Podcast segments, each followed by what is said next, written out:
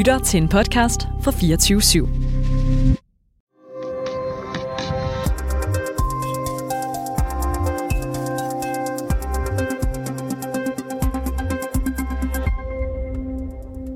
Ну такое, тут с каждым днем в самом э, населенном пункте все труднее и труднее все. Det er som om det hver dag bliver hårdere og hårdere. Ordene de kommer fra en ukrainsk øh, soldat, og han taler ind i linsen på sin mobiltelefon, da han befinder sig i Chasivyar, bare 5,5 kilometer fra byen Bakhmut. Det er den ukrainske by, der af flere bliver kaldt for Putins kødhakker. Og mens højebrag de runger i baggrunden, så fortæller soldaten, at byen konstant er under beskydning med raketkastere, morterer og andet tungt skyts.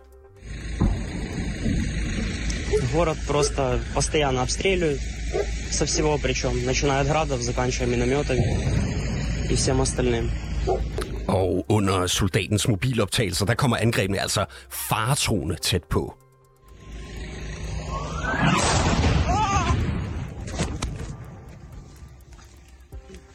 Ёбаный в рот! Du lytter til konfliktzonen, hvor vi i dag fokuserer på de hårde kampe ved Bakhmut i den østukrainske Donbass-region. Det er kampe, som længe har stået på, men som ukrainerne snart kan ende med at måtte trække sig fra. Mit navn er Mads Vesterager. Velkommen til konfliktzonen.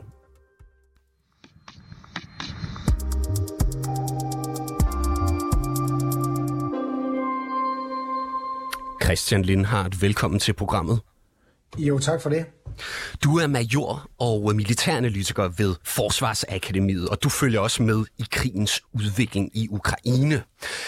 Lad os lige få et overblik, Christian Lindhardt. Hvordan står kampene lige nu i forhold til Bakhmut? Jamen det er jo sådan øh, lidt pudsigt, om jeg så må sige, i, i den der mobile situation, der er dernede, at, øh, at selve Bakhmut by, der, øh, der har tingene faktisk ikke flyttet sig ret meget i de sidste, skal vi så sige, to måneder. Russerne kom ind i starten af året og fik sådan ligesom bid i den østlige udkant af byen, og der, der er kampene så bølget frem og tilbage. De, de kæmper simpelthen om hus til hus, og så, så kan man se, at de kommer frem til en eller anden fabrik, bliver smidt ud af fabrikken osv. Så, så lige omkring Bakhmut er der ikke sket det store. Men nord og syd for Bakhmut, der har russerne haft succes med at komme frem. Og det betyder faktisk, at byen sådan indirekte er gået hen og blevet næsten omringet. Der er stadigvæk øh, mulighed for at komme ud af byen mod vest, men ellers så nord og syd for, der er den ved at være omringet. Ja, nu nævner du det her næsten omringningsscenarie, som ukrainerne de står overfor. Hvad er det for nogle overvejelser, som de ukrainske styrker de øh, står med i Bakhmut? Jamen, ukrainerne skal jo ligesom afgøre med sig selv, hvornår er nok nok. Hvornår kan det ikke længere betale sig for os at holde fast i den her by, og vi skal trække vores tropper ud. For det, der sker, hvis de bliver helt omringet, det er jo, at så vil der være nogle ukrainske styrker, det kunne være et slag på tasten omkring 5.000 mand, der bliver fanget derinde. Og så er deres øh, militære værdi sådan set så småt ved at være opbrugt for, øh, for ukrainernes side. Hvorimod, hvis de når at trække dem ud i tide, jamen, så har de jo så igen for, for argumentet her, 5.000 mand, som de kan indsætte et andet sted. Og derudover så redder de jo de menneskers liv, fordi, øh, fordi alternativet er at enten dø eller gå i, i russisk fangenskab. Hvad er det, som russerne de har gjort i det her område for at presse sig frem? Jamen, russerne er sådan set gået old school Soviet style. De har brugt øh, helt uhørte mængder artilleri, i hvert fald i en, i en moderne kontekst. Altså virkelig, virkelig, virkelig store mængder artilleri, som de har øh, skudt ind over frontlinjen, og i ly af det artilleri har de så sendt infanteri frem. Øh, og når, ja, om jeg så må sige, første bølge infanteri enten er blevet dræbt eller såret, eller er trukket sig tilbage, så har de brugt artilleri igen, infanteri, artilleri, infanteri. Og på den måde er de altså kommet efterhånden ret langt frem. Vi har ikke set sådan nogle store mobile bevægelser med kampvogne og pansrede og sådan noget. De er der, og de bruges til at støtte infanteriet. Men ellers så er det gammeldags artilleri og infanteri, som vi har set det for, for, for den sags skyld 100 år siden på, på Vestfronten i øh, 1. verdenskrig. Og nu har de altså kunnet rykke sig frem øh, og næsten omringe Bakhmut. Og den ukrainske præsident, han har udtrykt sin bekymring for det, der foregår i Bakhmut lige nu. Lad os lige prøve at høre en gang, hvad han sagde i en tale her tirsdag aften. Росія взагалі не рахує людей, відправляючи їх на постійні штурми наших позицій. Інтенсивність боїв лише наростає. Ja, Rusland sender konstant tropper afsted for at storme vores positioner. Intensiteten af kampene er kun stigende. Sådan lød det altså i Zelenskis daglige tale fra den 28. februar. Og han lægger også vægt på, at de mest intense kampe lige nu, de netop er i Bakhmut. Christian Lindhardt, hvor lang tid går der, før russerne kommer til at sidde på Bakhmut, tror du? Jamen, øh, der går så lang tid, som... Altså, der skal jo to til tango, så det er jo noget, både ukrainerne og russerne har en, en øh, holdning til. Men der går strengt taget så lang tid, som ukrainerne kan se, at de stadigvæk har fordelen af kampene. Så længe de kan se, at de binder store russiske styrker der, og det, det er tusindvis af soldater, øh, de binder af russiske styrker, så længe de kan se, at der stadigvæk øh, er større tab af mennesker og materiel, på russisk side end på ukrainsk side, så kan de sådan set godt blive ved med at holde fast i Bakhmut, for så at trække sig ud i sidste øjeblik. Men det skal lige siges, i det øjeblik, den, den så tipper, at de kan se, enten de er ved at blive omringet, sådan helt omringet, eller de begynder at miste flere folk og mere materiel end russerne, så er det, de skal trække sig ud. Og det er jo lidt en kunst at finde, hvornår søren gør vi det? Christian Lindhardt, jeg vil gerne bede dig om at blive hængende en gang. Øhm, og så kan jeg byde velkommen til dig, Andrej Kasankov. Mange tak. Du er altså journalist på Weekendavisen og reporter på TV2 News med særligt kendskab til Rusland og Ukraine. Du følger også udviklingen i Bakhmut tæt og var selv godt 30 km fra Bakhmut her i januar måned. På din Twitter-profil, der har du her for nylig skrevet, at citat, hvis udviklingen fortsætter, bliver det desværre snart meget kritisk i Bakhmut, citat slut. Prøv lige at uddybe en gang. Hvad mener du med det? Jamen, uh, først og fremmest så er det jo ikke kun uh, mig, men rigtig mange jagttager, der har lagt mærke til, at det er går russernes vej for tiden i Bakhmut. At de har ligesom haft uh, succes med at rykke uh, frem, ikke mindst uh, nordvest for byen, og sådan et forsøg på at omringe de ukrainske styrker. Og man kan jo godt se, altså hvis det fortsætter sådan, som det er gået i den seneste uge for eksempel, altså, så går det ikke ret lang tid før at Ukraine bliver så godt som omringet, så når det bliver svært for dem at forlade byen på en måde, hvor øh, russerne ikke vil kunne skyde øh, på den undervejs, sådan fra forskellige retninger. Og vi har jo også set, hvordan Ukraine var måske lidt, øh, altså det var måske lidt sent, at det forlod byen Solidar, den mindre by, som de tabte sådan i midten af januar, lige præcis da jeg var der i Øst-Ukraine. Uh, og altså, det kan heldigvis, så har jeg jo en militærekspert i studiet, som ikke kan spørge mere uh, til det, hvor, hvor svært det kan være at rømme sådan en by som uh, Bakhmut, med alle de mange styrker, som ukrainerne har der. Det har jo ret mange soldater der i Bakhmut. Men altså, man begynder at tænke på, uh, om ikke snart uh, ukrainerne skal gøre det her. Men altså, ukrainerne har jo overrasket flere gange før, hvor det har holdt ud og har formået at dræbe en masse russiske soldater selv under virkelig svære omstændigheder. Så vi må lige se, hvordan det her udvikler sig i den kommende tid. Mm. Og Andrej Kasankov, du taler russisk. Øh, vil du ikke prøve at tage os med om i det russiske medielandskab en gang, for at forklare, altså, hvordan er det, at man skriver om Bakhmut i Rusland? Jamen, jeg tror, at uh, så godt som alle danskere, som følger med den her krig, og det er jo nok de fleste, har ligesom fundet ud af, at russiske medier, ligesom russiske officielle kilder, lyver ret meget om det, der foregår i Ukraine, og vi har komiske Igor, det er så talsmanden for de russiske væbnede styrker, som altså, han er jo helt på højde med komiske Ali, ham der stod i Irak og benægtede, at øh, amerikanske kampvogne var i nærheden af Bagdad, selvom at de var der. Så øh, der er en masse løgnehistorier, men nogle gange så behøver russerne faktisk ikke lyve, og det er, når det går øh, dårligt for ukrainerne, når det går godt for russerne, så kommer historierne jo sådan set også fra ukrainerne. Så kan russerne jo bare viderebringe, hvad ukrainerne øh, har sagt. Og i går aftes, inden jeg gik i seng, uh, tophistorien i langt de fleste russiske medier var en uh, videofortælling fra nogle ukrainske soldater, altså som selv har lavet videoen fra Bakhmut, uh, hvor de sådan begynder at argumentere for, at uh, måske er det på tide, at vi forlader Bakhmut, fordi at der dør altså rigtig mange ukrainske soldater her hver dag, og vi mister op til et uh, kompani per dag, sagde det, op til en bataljon per uge, og altså, det kan godt være, at det er sådan lidt metaforisk sagt, men altså hvis man skulle øh, regne i forhold til det, så svarer det til omkring øh, 100 mænd øh, per dag, som Ukraine mister der i Bakhmut. Altså hvis man skal tro det her oplysninger fra de ukrainske soldater, og det gjorde uh, de russiske medier selvfølgelig gjort et stort nummer ud af det her. Sådan, se her, hvor dårligt det går for Ukraine, hvor godt det går for os russere. Vi skal nok uh, knække den hurtigt der i Bakhmut. Det er den vej, det går. Og nogle af de russiske medier, de kalder jo faktisk slet ikke byen for sit ukrainske navn, altså Bakhmut. Til gengæld så er de begyndt at omtale byen med et andet navn, som man brugte tilbage i sovjettiden, nemlig Achomovsk. Øh, hvorfor gør de det? Det er fuldstændig korrekt, og det er også forholdsvis bizart, er det ikke det? Altså, at man sådan insisterer på at omtale øh, byen med et helt andet navn, end byen rent faktisk har. Men det har noget at gøre med øh, i det hele taget, hvorfor vi har den her krig. Altså, ukrainerne øh, skiftede øh, bynavnet i 2015, mener jeg, altså efter den første krig i 1415 begyndte, uh, i et forsøg på netop at understrege, at man ikke længere vil hænge sammen med Rusland. Altså, at det her navn, som var der i sovjettiden, det havde noget at gøre med nogle uh, sovjetiske ting, og det havde noget at gøre med, hvad for en ideologi man havde dengang i Moskva, først og fremmest. Og så øh, gik Ukraine tilbage til et navn, som man havde før i tiden.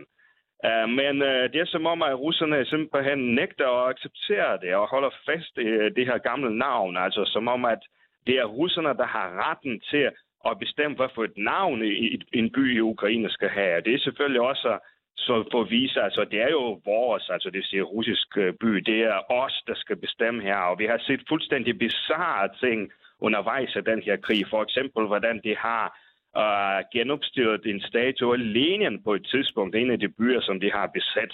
Og det er jo det er ikke noget, man gør i Rusland. Altså i Rusland er man for længst færdig med at opstille nye statuer af Lenin, men det gjorde man så, eller sådan heller ikke uh, gamle statuer. Det statue, der blev væltet af Rusland, det blev ikke øh, uh, stillet op igen, af Lenin i hvert fald. Men der, der gjorde man det, og det er så igen ligesom for og understreger, altså ukrainere, I får ikke lov, I får simpelthen ikke lov til at løsrive jer fra vores fælles øh, fortid. I hører sammen med os øh, russere, og sådan skal det bare være. Så det bliver ved med at omtale byen som Artyomovsk, og i parentes så skriver det Bakhmut, som ukrainerne kalder det, eller noget i den stil. Hvor afgørende, Andrej Kasankov, lader den her sejr i en, eller en potentiel sejr i Bakhmut til at være for russerne så? Jamen, det er fuldstændig indlysende, at det satser på, at det bliver en uh, forholdsvis afgørende øh, sejr for den. Men der er ligesom der er to forskellige ting her. Den ene, det er, det er den symbolske sejr i forhold til, at uh, det er ligesom der, hvor både russerne og ukrainerne har brugt uh, flest uh, kræfter. Det har ligesom det, uh, krigen har handlet om, i hvert fald i de seneste par måneder. Først og fremmest Bakhmut, hvorvidt at russerne kunne erobre den, og ukrainerne kunne forsvare den kan russerne erobre den, jamen så er det et tegn på, at russerne står klart øh, stærkere end Ukraine øh, lige nu. Så symbolsk bliver det en, en sejr. Omvendt kan man sige, at russerne har betalt en utrolig høj pris for at erobre Bakhmut, hvis det gør det. Det har det ikke øh, gjort endnu. Og øh, de har jo prøvet at gøre det i over et halvt år efterhånden, og ukrainerne har kæmpet over alle forventninger, også der, også i Bakhmut, ligesom de har gjort det andre steder tidligere. Så altså, altså hvis Ukraine kan trække sig uden at der kommer store tab på ukrainsk side, altså, så kan Ukraine sådan set også betragte det som en slags sejr. Og hvordan det bliver sådan taktisk, uh, strategisk efterfølgende, altså det vil tiden vise, om uh, russerne kan bruge det til en uh, større offensiv, sådan at, uh, altså, at det giver dem nogle muligheder at fortsætte der i Donetsk-regionen, jamen altså, så bliver det en russisk sejr. Men hvis det, som vi trods alt forventer, uh, vil lykkes ukrainerne og sådan stoppe russerne længere hen, og sådan at man, om man så sige, starter forfra med nogle hårde kampe, eller lad os sige 10-15 km derfra, måske endnu tættere på, jamen så er det jo ikke nødvendigvis en helt stor sejr, for det, uh, russerne får jo ikke i så fald uh, ret store erobringer. Det, vil ikke, det er ikke noget, der er sammenlignende med, hvad Ukraine har fået, da de befriede uh, Kherson uh, området for eksempel i november, eller Kharkiv-regionen i september. Så hvis det bliver sådan, så bliver det en forholdsvis begrænset sejr. Andrej Kasankov, tak fordi du var med. Selv tak. altså journalistavisen og reporter på TV2 News med særligt kendskab til Rusland og Ukraine. Og Christian Lindhardt, du er jo stadig med på linjen, og jeg vil gerne lige sende bolden over til dig en gang. Hvor afgørende er en sejr i Bakhmut for den russiske her, som du ser det? Jamen, jeg synes også, at André fint spillede bolden over til mig. Jamen, det er sådan set... Øh, jeg vil sige, det er faktisk øh, lidt ligegyldigt, hvor afgørende sejren er, fordi den vil blive udråbt altså i, i, i russisk selvforståelse, eller i hvert fald i russisk, mm, skal vi så kalde det propaganda, der vil blive udråbt som en stor sejr og et bevis på øh, russisk vilje til at ville vinde den her krig, og at øh, man dermed kan sige, så er krigen således berettiget, fordi vi har nu befriet nogle flere russere og ved at give byen et russisk navn, så kan man jo også dermed argumentere, se, det er en russisk by. Så det er på sin vis lige meget, hvor afgørende den er, for den er nemlig ikke særlig afgørende. Det er bare en by blandt rigtig, rigtig mange i det område.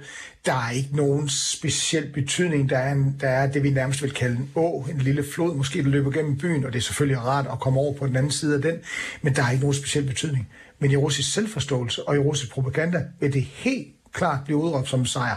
Og så kan man diskutere, er det der med en sejr? Det, det står så åbent.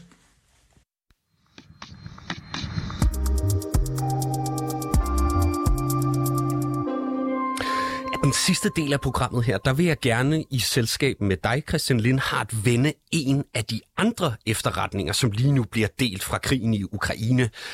Det handler om sandsynligheden for, at ukrainerne de kommer til at lave en såkaldt forårsoffensiv, og det er der Altså, det er blandt andet den amerikanske tænketank The Institute for the Study of War, der vurderer, at det ukrainske militær lige nu forbereder sig på sådan en offensiv.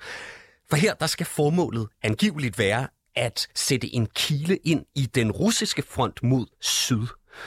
Virker det realistisk, Christian Lindhardt?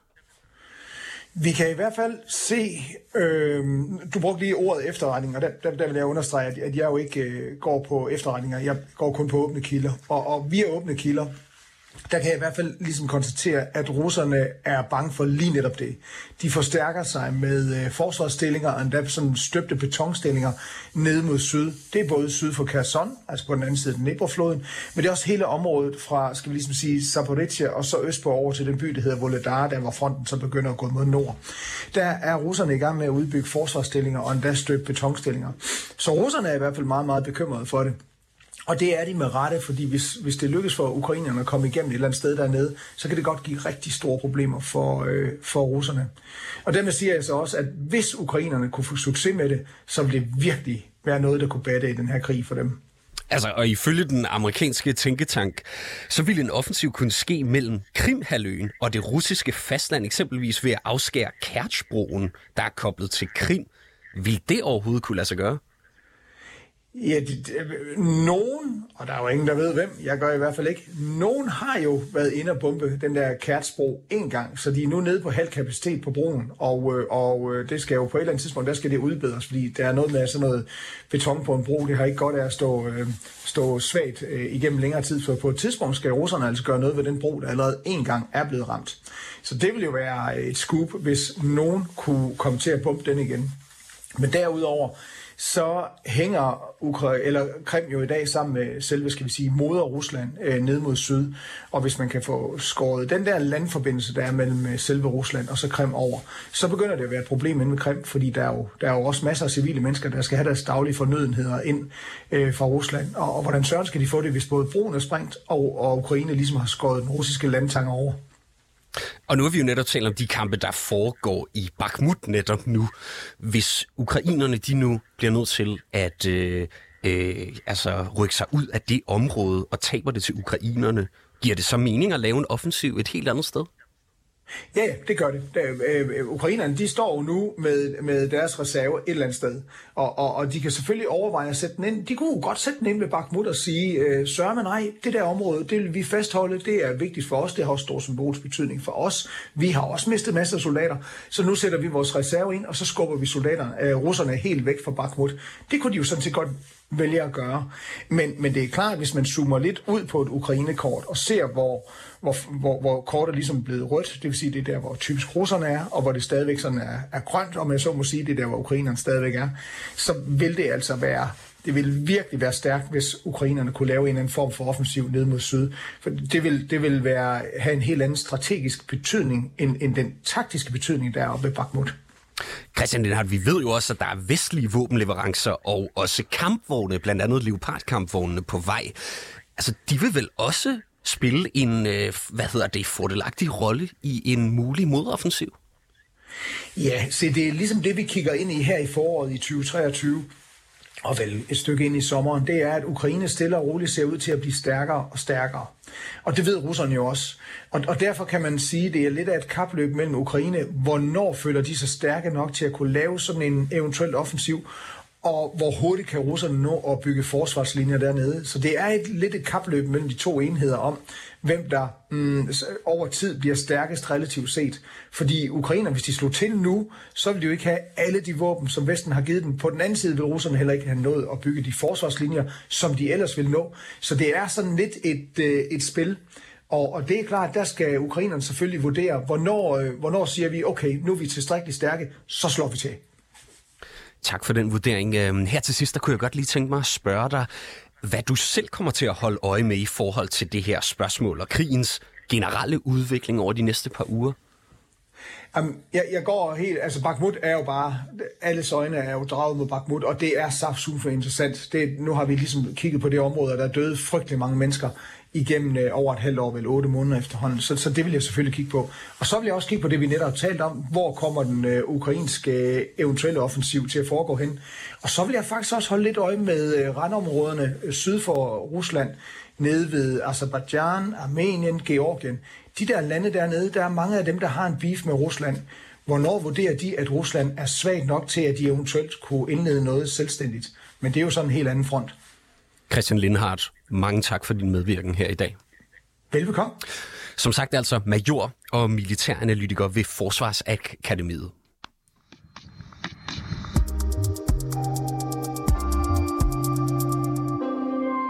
Du har lyttet til dagens afsnit af Konfliktzonen 24-7's udenrigsmagasin. Mit navn er som sagt Mads Vesterager, og holdet bag programmet det er Christine Randa og Sofie Ørts. Og producer, det er Oscar Chauffeur. Du kan lytte til programmet direkte mandag til torsdag fra 8 til 8.30, men du kan selvfølgelig også høre programmet som podcast. Tak for i dag. thank you